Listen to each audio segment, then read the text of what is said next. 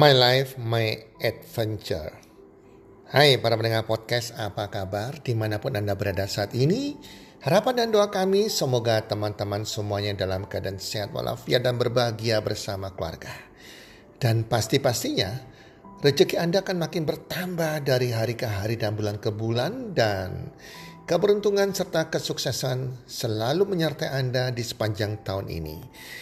Para pendengar podcast, di podcast kali ini kembali Bro Eka Darmadi akan membawakan podcast ini dan bersama narasumber Sudari Lucy.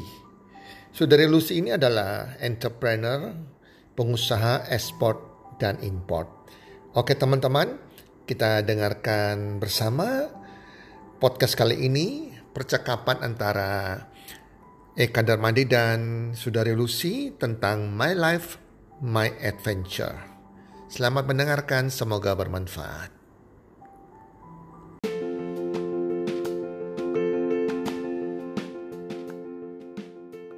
Halo semua, pada episode podcast kita kali ini dengan judul My Life, My Adventure. Nah, pada kesempatan kali ini saya mengundang teman saya Lucy. Halo Lucy. Hai Eka, apa kabar? Baik, thank you ya Lucy udah mau meluangkan waktunya untuk berbicara di podcast kita kali ini ya Lucy ya. Sama-sama, it's my honor. Oke, nah Lus, mungkin kamu bisa perkenalan dulu Lus, siapakah Lucy ini Lus? Oke, jadi Lucy itu seorang yang punya pekerjaan di bidang entrepreneur ekspor impor, tapi aku juga itu seorang yang memiliki passion di outdoor sports. Jadi I love to try new things and meet new friends through outdoor sports. Itu Eka. Nah, Lucy, kamu tuh sejak kapan sih suka dengan olahraga-olahraga atau berpetualang yang lumayan ekstrim gitu, Lus? Oh, jadi kalau untuk olahraga, awalnya itu waktu SMP aku tuh ikut tim basket. Lalu waktu kuliah itu aku diajak temen untuk ikut yang namanya kulikuler di bidang diving. Itu udah tahun 2010, which is aku udah 11 tahun di diving. Lalu untuk terakhir ini mulai tahun 2016 aku itu diajak temen untuk ikut uh, hiking kayak gitu. Jadi semuanya itu berawal dari sana gitu Eka. Nah, padahal ya Lus ya, kalau misalnya buat teman-teman di luaran sana ya, kamu kan cewek nih, ya kan? Biasanya cewek ini kan selalu identik dengan kayak suka ngafe cantik, ya kan? Nggak suka yang berbau kotor-kotor, capek-capek. Tapi kenapa kok Lucy ini suka dengan dengan kayak hiking ya tos hiking itu kan tentu kan tenaganya udah capek kadang medannya kotor ya kan dan apa kondisi lingkungannya kan ya alam-alam lah ya istilahnya gitu loh apa sih buat kamu tuh suka banget dengan aktivitas-aktivitas itu Lus? Yang pertama itu membuat aku tuh menemukan komunitas yang baru kak. Jadi di sana itu aku menemukan orang-orang yang membang selain membangun aku, aku juga bisa membantu mereka untuk menjadi orang yang lebih baik kayak gitu. Jadi sama-sama saling membantu. Kalau misalnya uh, cantik gitu ya, ya udah cuma gitu aja kalau menurut aku ya. Tapi kalau untuk olahraga kayak gini, itu kita bisa melihat sisi positif dan negatifnya orang dalam waktu cepat. Kalau buat aku kayak gitu. Oh ya, lah kalau menurut Lucy ya, bagaimana dari sebuah komunitas berpetualang itu bisa membangun. Nah, yang Lucy, yang Lucy rasakan sampai saat ini ya, hal-hal apa yang terbangun dari komunitas itu Lucy? Yang pertama itu saling menghargai. Jadi kayak kebutuhan tiap orang tuh berbeda-beda. Misalnya aku mau naik gunung dengan cepat, yang satunya mau santai. Ya itu kita harus saling mengerti. Nggak semua orang itu mau dengan apa yang kita mau. Jadi gitu. Itu yang pertama. Lalu untuk kedua juga harus mengerti kemampuan orang itu tiap orang berbeda-beda, nggak bisa disamakan. Jadi yang satunya kayak pemula, lalu Eka ini udah powerful banget. Kalau mau ikut Eka, yang satunya pasti keteteran. Kalau yang Eka ikut yang satunya, Ekanya tuh pasti kayak, aduh apa sih orang ini kok lamban banget, kok kayak ngerepotin banget kayak gitu. Jadi di sana kita tuh saling mengerti. Gitu. Nah kalau dari Lucia kan tadi kan selain kamu dibangun ya, kamu kan juga ikut mem berkontribusi membangun orang lain ya Lucia. Benar. Nah, mungkin kamu bisa sharingin contoh hal-hal yang kamu bangun atau kamu encourage ke orang lain itu kayak gimana, Lus? Ya menurut aku ya kak, yang sampai sekarang bikin aku cinta banget sama apa yang aku lakukan sama hobiku ini adalah kayak aku tuh bisa, aku tuh dengan bisa dengan gampang ya, kayak untuk kanker satu gunung itu aku bisa kalau aku sendirian.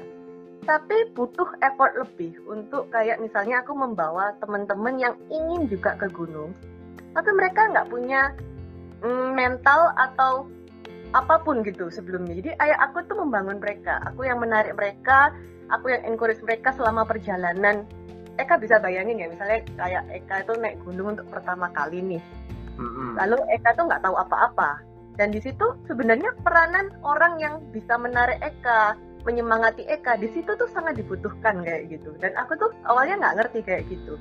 Tapi ternyata waktu dia udah sampai puncak dia tuh seneng ada kepuasan tersendiri yang di hati tuh rasanya fulfilling gitu daripada aku mencapai puncak itu sendirian jadi lebih ke arah kalau ketika kita tuh bisa achieve something ya jadi aku asumsikan kamu berhasil naik ke suatu tempat naik gunung atau apa pun itu kan kita anggap sebagai sebuah goal atau achievement ya. Uh, uh, tapi habis itu kepuasan itu tuh hilang gitu loh. Ah ya udah hilang gitu.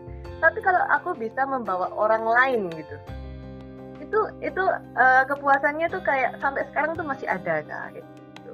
Hmm oke. Okay. Nah kalau boleh tahu nih, jadi sudah lumayan banyak ya teman-temannya dari teman-temannya Lucy yang sebelumnya belum pernah mencoba hal baru ya misalnya kayak naik gunung atau olahraga baru tapi karena Lucy aja jadi mereka akhirnya jadi suka gitu ya ada juga ya Lucy ya ada ada. Jadi mereka tuh beberapa ada ketagihan. Banyak yang kayak ayo c kapan lagi? Kayak gitu tuh cukup banyak gitu.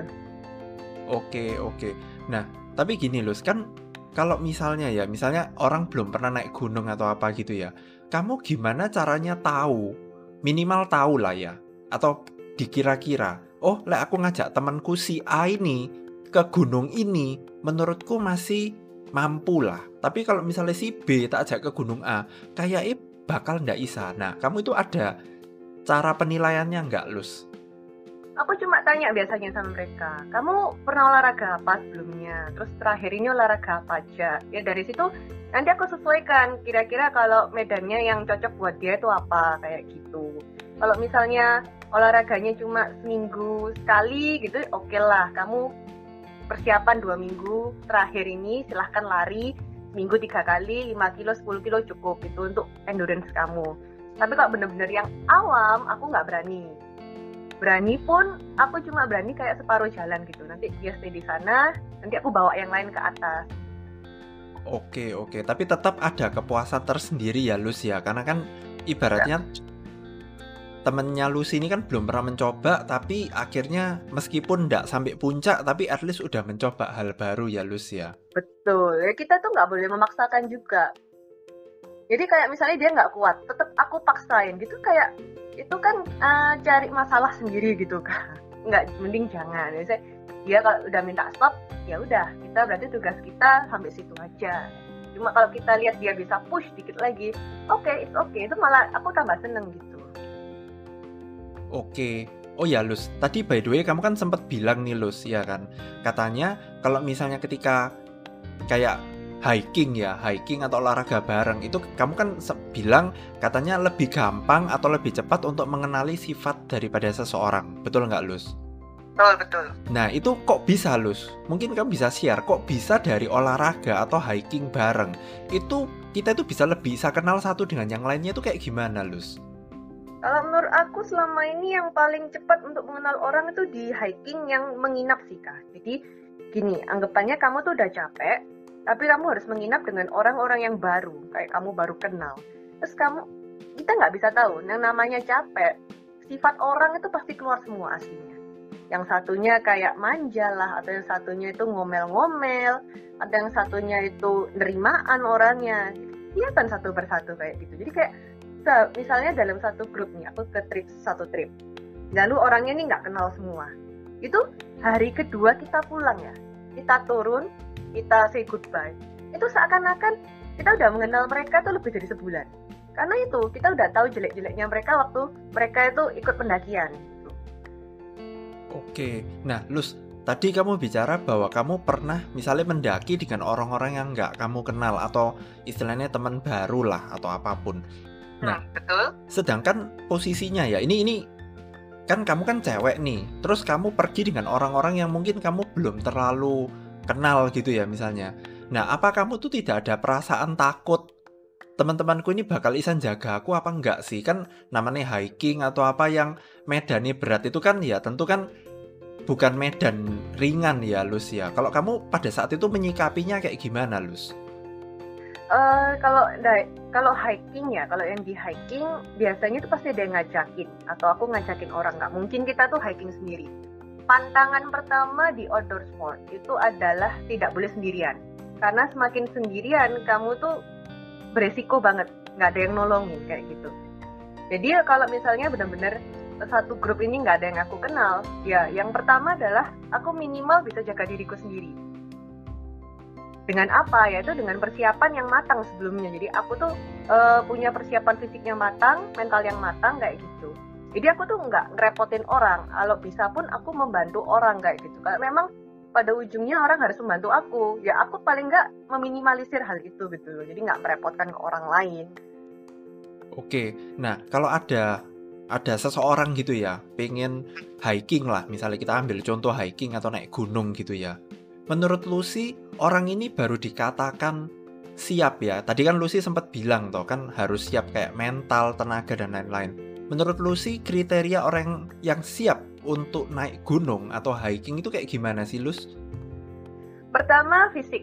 Fisik itu harus bisa dia bisa harus cukup ya, cukup tidur, cukup makan, olahraga sebelumnya itu persiapannya cukup. Yang kedua itu eh, persiapan pendakiannya. Maksudnya banyak nih kayak teman-teman aku gitu pendakian tapi pakainya sepatu kers kayak gitu. Itu kan nggak cocok gitu ya. Terus yang kedua kayak dia bawa makanannya nggak cukup. Atau dia tuh sebelumnya kayak kurang tidur gitu itu bener-bener nggak siap sih. Dia mungkin dia bisa tapi itu untuk pulangnya nanti untuk akhirannya after effectnya pasti nggak enak. Selain dia nggak enjoy dia juga uh, ya capek pasti kayak gitu tuh kita kalau sebagai teman teman sesama ya kita mengingatkan. Hmm, jadi memang kalau misalnya ada teman yang belum terlalu tahu tentang medannya atau apa kita sebagai orang yang lebih tahu tentang medannya itu kita harus ngingetin eh kamu besok itu bajunya harus pakai yang seperti ini. Kamu harus jangan lupa pakai jaket ini. Untuk alas kakinya kamu harus pakai sandal gunung ya karena nanti medannya kayak gini-gini. Jangan pakai sandal jepit. Itu kita harus ngomongin ya Lus ya. Uh, tergantung sih. Kalau aku harus tahu dulu orang ini ada pengalaman nggak. Tapi semakin baik semak, apa semakin dia bertanya lebih banyak. Itu semakin baik sih. Soalnya kayak aku tipenya nggak akan ngomongin kayak gitu kalau dia tuh nggak tanya Oke, oke. Nah, kalau Lucy sendiri ya, dulu dulu ya awal-awal hiking gitu kamu tuh langsung tahu kamu harus mempersiapkan ini bawa ini mbak makanan atau ada orang lain yang ngasih tahu kamu dulu pasti ada orang lain yang ngasih tahu pasti di situ jadi bener-bener aku tuh dipandu sama temenku yang cewek ini dia aku tanya kira-kira apa yang aku butuhin dia jelasin satu-satu orangnya sabar banget jadi hmm. ya kalau nggak gitu ya aku nggak tahu apa-apa. Baru setelah aku mempersiapkan apa aja lalu aku terjun ke Medan. Setelah itu aku baru evaluasi lagi oh ternyata ini lebih perlu ternyata ini nggak perlu ternyata ini perlu kayak gitu. Nah mungkin bisa di share sedikit nih ya kan? Dulu ya awal-awal ya kamu hal-hal apa yang menurut kamu perlu hal-hal apa yang dulunya menurut kamu perlu tapi ternyata nggak perlu ini Lus kalau dulu itu per, jadi gini pertama kali aku hiking itu langsung ke yang namanya Gunung Semeru. Bukan Rano Kumbolonya tapi ke Mahamerunya ya kak. Itu like my first hiking ever gitu. Wow. Jadi aku nggak nggak bener-bener nggak tahu Medan. Tapi ya diajak ya udahlah. Ya mungkin itu adalah lifetime achievement mungkin kayak gitu. Waktu itu aku mikirnya kayak gitu. Ya udah nekat aja kayak gitu nah itu aku bener-bener tanya kira-kira aku butuh apa? Kayak gitu. Yang yang dulu yang kira-kira aku sangat aku butuhkan itu apa? Ternyata aku mengenali kalau aku ini nggak tahan dingin. Sedangkan tidur di Ranukumbolo itu Eka pernah kan di Ranukumbolo? Belum belum belum pernah nih. Oh, belum pernah. Jadi di Ranukumbolo tuh kalau malam dingin banget dan pasti itu tuh hujan. Dan yang dan untungnya waktu itu mama aku tuh nyelipin yang namanya hand warmer hand warmer yang kalau ada apa kayak ada abunya itu terus dikocok jadi panas itu.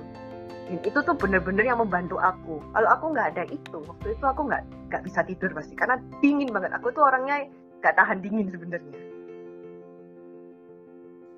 Lalu untuk yang yang kira-kira nggak perlu waktu itu apa ya? Mungkin oh waktu itu pertama kali kan aku naik gunung. Jadi itu kan tiga hari dua malam Aku dong bawa power bank itu sampai 5. Wow. Dan nggak ada yang kepake. Buat foto-foto mungkin ya Lucy ya, makanya sampai bawa 5. Uh, eh, papa mama aku khawatir banget. Aku tuh nggak bisa dikontak, padahal di gunung memang nggak ada sinyal kayak gitu. Memang nggak ada sinyal ya Lucy ya? Sinyal ini kayak mau foto pun ya baterai itu kayak dua hari apa kayak baterai HP itu bertahan gitu dua setengah hari itu kok nggak usah nggak usah ngecas juga nggak apa-apa Iya, I see. Karena karena nggak dipakai untuk chattingan atau internet yang biasa nih. Nggak airplane mode juga chatting mode semua kayak gitu. Ah, nah, Lucy, kamu tuh sejak kapan sih menemukan passionmu di dalam olahraga dan berpetualang ini? Itu balik tadi kalau olahraga, aku tuh suka basket waktu SMP. Terus kan waktu kuliah aku pindah tuh ke diving. Tuh, terus ya kembali lagi menemukan komunitas yang tepat. Di mana selain kalau dulu aku pernah coba sih kayak ikut komunitas paduan suara, kayak komunitas masak gitu kayak oke okay, ya I try new things tapi kayak mm, no kayak gitu. I see. Nah, kalau yang membantu Lucy akhirnya bisa menemukan passion itu siapa nih akhirnya ini? Ya teman-teman di aku tuh lebih enjoy. Aku tuh orangnya nggak bisa melakukan hal-hal itu tuh sendirian. Jadi akan lebih menyenangkan kalau aku tuh bisa share ke kesenanganku dengan orang lain. Kalau sendirian tuh lebih kayak kejar prestasi ya. Jadi kalau aku udah dapat prestasinya ya udah gitu doang. Tapi kalau kamu bisa share berbagi sama orang lain membantu orang lain terus kayak kita sama-sama ke puncak bareng gitu bener-bener yang ada kebahagiaan tersendiri kalau itu dalam aku oke nah Lus kamu kan sudah lumayan lama dan lumayan sering berpetualang kan Lus ya mm -mm. menurutmu di antara tempat-tempat yang sudah kamu kunjungi tempat apa yang paling terkesan, yang paling kamu tidak bisa lupain itu yang mana ini? Mungkin kamu bisa share ke kita ini. Yang pertama itu, yaitu pendakian pertama ke Mahameru. Jadi itu kita tuh bener-bener naik nanjak dari jam 2 pagi sampai setengah 9 pagi. Di situ tuh aku waktu itu udah kerasa kaki itu kram semua. Terus dingin, dingin dan berangin. Itu udah kayak aduh buat ngapain sih ke sini. Tapi kayak tetap pengen ke puncak. Tapi ya udahlah harus dilangkai satu-satu. Tapi kok ya capek kayak kegalauan banyak. Itu kurang lebih hampir 7-8 jam gitu ya. Kayak mikirnya kayak gitu terus. Tapi tetap harus melangkah. Ya udahlah aku coba selangkah lagi. Ya udahlah aku coba selangkah lagi. Ya udah akhirnya aku sampai puncak di situ. Ya puas. Tapi setelah perjalanan itu aku kayak mikir oh berarti hidup itu memang harus langkah demi langkah ya? Nggak bisa kita tuh cari jalan instan. Nggak bisa kita itu cari hal-hal yang kayak oh aku harus sudah sampai di tujuan itu enggak tapi memang pelan-pelan gitu baby steps kayak gitu. Jadi kayak banyak pelajaran hidup yang aku pelajari dari situ. Wow keren banget ya. Nah Lus kamu selama berpetualangan selama ini ya pernah nggak sih kamu tiba-tiba tenagamu itu habis atau tiba-tiba itu nggak kuat gitu? Pernah nggak sih? Hmm, kalau nggak kuat sampai harus dibopong dibantu untuk saat ini untungnya belum pernah ya kayak ya. tapi kalau emang capek gitu terus harus istirahat masih banyak lah nah jadi solusinya gimana nih misalnya kamu kamu nanjak nih masih kurang 2-3 kilo dan kamu hmm. kerasa aduh aku tuh kok udah capek banget Nah itu biasanya kamu ngapain supaya kamu itu punya tenaga lagi untuk naik lagi? Pertama yang pasti istirahat dulu, minum, terus makan, terus cari temen. Kira-kira mereka bisa kayak menyemangatin nggak? Atau kalau mereka memang udah di depan, mereka mau turun, udah nungguin aku lama, ya udah aku turun aja lebih baik daripada aku cari sakit gitu. Pokoknya intinya tujuannya itu bukan di puncak, tapi untuk pulang. Gitu. Hmm. Jadi kayak banyak orang-orang itu ngegas biasanya, Ngega- naik ngegasnya supaya cepet-cepetan sampai puncak, pulangnya itu dia tuh teler, teler terus malah menyusahkan orang lain. Tapi sebenarnya yang aku pelajarin juga sebenarnya untuk dalam semua perjalanan, nggak nggak cuma hiking tapi juga bersepeda atau diving atau wall climbing. Tujuan tuh tujuannya bukan puncak, tetapi untuk pulang ke rumah kayak gitu. Wow, dalam sekali ya pulang ke rumah ya. Mm-mm, karena kalau kamu nyampe puncak kamu nggak pulang rumah kan juga percuma gitu. Iya ya betul betul betul banget betul banget Lus. Kalau pergi bisa pergi tapi tidak bisa pulang ya mengerikan juga ya. kamu apa yang kamu cari? Lah, Lus, kamu biasanya misalnya ya hiking atau apa gitu ya. Makanan yang kamu bawa itu kayak gimana sih? Dari tadi kan kamu bi- bicara jangan lupa bawa makanan. Terus kalau capek mbak makanan. Nah, makanan seperti apa yang kamu bawa ini, Lus? Yang yang pasti karbo, karbo yang gampang dibawa, gampang dicerna. Eh, kalau aku suggest orang-orang itu juga bawa kayak sneakers, big bar, kayak coklat gitu oke, roti, sari roti itu juga oke. Itu untuk jajan ya, jajan selama perjalanan. Tapi kalau untuk lunch, dinner yang makanan berat, kita bisa masak kayak gitu. Oke, oke. Nah, Lus, yang kayak tadi aku bilang ya, wanita itu kan biasanya selalu identik dengan ngafe cantik atau hobi-hobi yang sifatnya itu feminim banget, ya kan? Nah, tapi kamu itu kenapa kok hobinya itu malah lebih identik dengan cowok? Co- Kan biasanya yang suka berpetualang itu kan cowok-cowok, bener nggak sih? Tuh. Eh, gimana ya? Aku sendiri juga orangnya cewek tomboy gitu, Eka. Jadi kalau kalian lihat dandananku, apalagi yang dulu, bener-bener yang cowok banget, celana panjangan, kaosan gitu, nggak pernah ngerawat ngeraw- ngerawat apa pun. Tapi ya, aku nggak menganggap ini adalah hobi untuk cowok sih. Aku menganggap semuanya itu general kayak gitu. Kayak kita semua bisa enjoy kok, selama itu kita bisa. Tapi eh, untuk society mungkin biasanya memang agak mengkotak-kotakkan ya. Ya itu hak mereka. Tapi kalau kita mau, ya kita bisa. Jangan nggak usah dengerin omongan orang. Awal-awal aku hiking juga banyak orang bertanya kok. Lapo hiking? Ngapain hiking? Ngapain ke gunung? Ngapain kotor-kotor kayak gitu teh? Itu kan sesuatu yang menghambat kita untuk kita berkembang. Kalau misalnya waktu itu aku mendengarkan ini orang temanku sendiri, keluargaku yang ngomong kayak waktu itu aku eh, hal-hal kayak gitu masuk ke pikiranku iya ya ngapain aku ikut ya mungkin sampai saat ini aku nggak berkembang seperti sekarang kak kayak gitu Mm-mm. Oke, oke. Jadi lebih ke arah ya kita ini pada fokus pada diri kita sendiri ya, apa yang kita sukai juga ya, nggak hanya apa yang kamu mau coba ya coba aja apa salahnya nggak ada semakin kamu mendengarkan orang semakin kamu tuh nggak berkembang kayak oke. harus Jadi memfilter hal-hal kayak gitu sih. yes, yes, setuju banget, setuju banget. Nah, by the way, Lus, sekarang ini kan lagi masa pandemi corona ya, Lus ya. Terus gimana pengalaman berpetualangmu pada saat corona ini, Lus? Oh, untuk yang terakhir karena aku ini lebih suka ke gunung ya. Eh, untuk enam bulan terakhir aku cuma sempet ke Gunung Sindoro sama Gunung Selamat. Jadi sekarang tuh untuk protokol di gunung itu ketat kak. Kita harus kayak kasih rapid test lah. Terus untuk satu tenda itu biasanya 4 cuma harus diisi 50%. Itu kan akhirnya kita harus bawa tenda lebih yang which is berat gitu kan.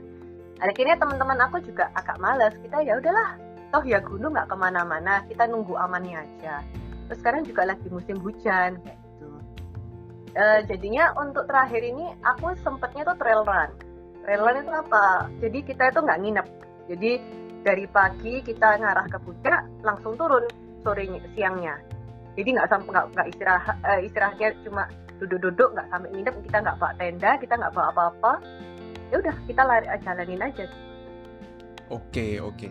Nah, Lus, so far ya, ketika kamu menyukai dunia petualangan ini ya, kamu bisa share ke kita nggak suka dukanya di dalam kamu berpetualang itu apa aja nih?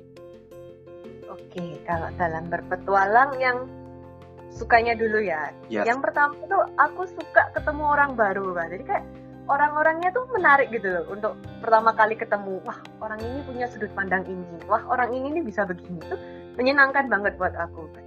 Wow, ada dunia di balik duniaku gitu loh. Jadi terus kayak aku kenal sama satu orang gini, dia tuh ngajakin misalnya yang hobi lain, misalnya wall climbing. Atau kenal orang ini, wah diajak spear fishing kayak gitu kayak. Wow, kayak keren juga orang-orang ini kayak gitu. Untuk dukanya, kalau yang selama ini aku alamin adalah ini kan aku cewek nih, cewek ya yang dianggap cukup bisa mandiri lah kalau misalnya lagi diving atau hiking. Kadang kayak gitu aku dianggapnya tuh cowok kan. Jadi kayak misalnya aku hiking ya sama beberapa cewek. Tapi yang yang apa ya, yang lainnya tuh dibantu, dibawain kayak gitu, ditolongin. Tapi kalau aku tuh enggak kak. Tuh kenapa aku kayak oke okay lah ya udahlah soalnya aku bisa sendiri. Tapi kayak cowok-cowok itu mengiranya oh anak ini udah mandiri kayak gitu. Oke oke. nah, lo sebagai penutup nih, ya kan? Kamu ada pesan-pesan nggak nih buat para wanita ya yang sebetulnya pengen berpetualang tapi masih takut atau masih ragu untuk mencoba hal baru? Seperti apa ini, Lus? Oke, kalau biasanya ya kendalanya, terutama cewek nih, pasti itu kendala itu izin, izin dari orang tua. Ya, itu aku juga mengalami awalnya. Gimana solusinya? Ya, solusinya adalah kita harus yang namanya orang tua itu kan pasti khawatir kan, apalagi anak cewek, takut ada apa-apa. Ya, yang pertama kita tuh harus yakin sama diri kita sendiri. Kita yakin diri kita sendiri, kita baru bisa meyakinkan orang tua kita kalau itu aman. Jadi yang pertama adalah apa? Kayak aku aku bilang awalnya sama orang tua aku kayak, udah aku udah olahraga, aku siap mental, aku siap fisik. Ini aku udah ada preparationnya semua. Ini nanti bakal ada guide yang membantu kita. Kalau ada apa-apa juga nanti dia yang membantu kita. Kalau aku juga uh, simpan nomor teleponnya base campnya misalnya, aku juga simpan nomor teleponnya ini. Nanti kalau jam segini aku telepon kalian, ini, kayak gitulah. Itu biar mereka tuh nggak khawatir. Karena yang paling uh, kendala utama orang-orang biasanya tuh izin orang tua nggak dapat izin kan juga kita nggak bisa pergi kan kayak gitu oke oke jadi untuk Hah? jadi apa nih pesan-pesan motivasi para ladies yang belum pernah adventure atau yang lagi pengen adventure ini apa ini kalau ya kalau untuk pesannya kalau kamu mau silahkan. Silahkan lakukan itu. Coba cari pasti ada temen lah. Temen yang pernah pergi ke mana terus menginspirasi kalian. Jangan takut untuk kayak eh kapan ya kamu pergi lagi? Ikut dong. Itu jangan takut. Karena biasanya orang-orang itu malu gitu loh. Aduh masa aku minta sih minta tolong ngajak gitu sih? Gengsi ah kayak banyak kan orang kayak gitu. Tapi nggak usah beranilah untuk bertanya beranilah untuk ngajak kayak gitu kalau mereka memang mau ngajakin kamu ya mereka dengan senang hati kok Oke, oke. Wow, luar biasa banget ya. Thank you banget ya Lus ya. Kamu sudah meluangkan waktu untuk sharing bersama dengan kami ya Lus ya. Sama-sama Eka. Ya, untuk para pendengar, demikian episode dari kami saat ini. Nantikan episode-episode podcast kami selanjutnya. Dadah. Ya.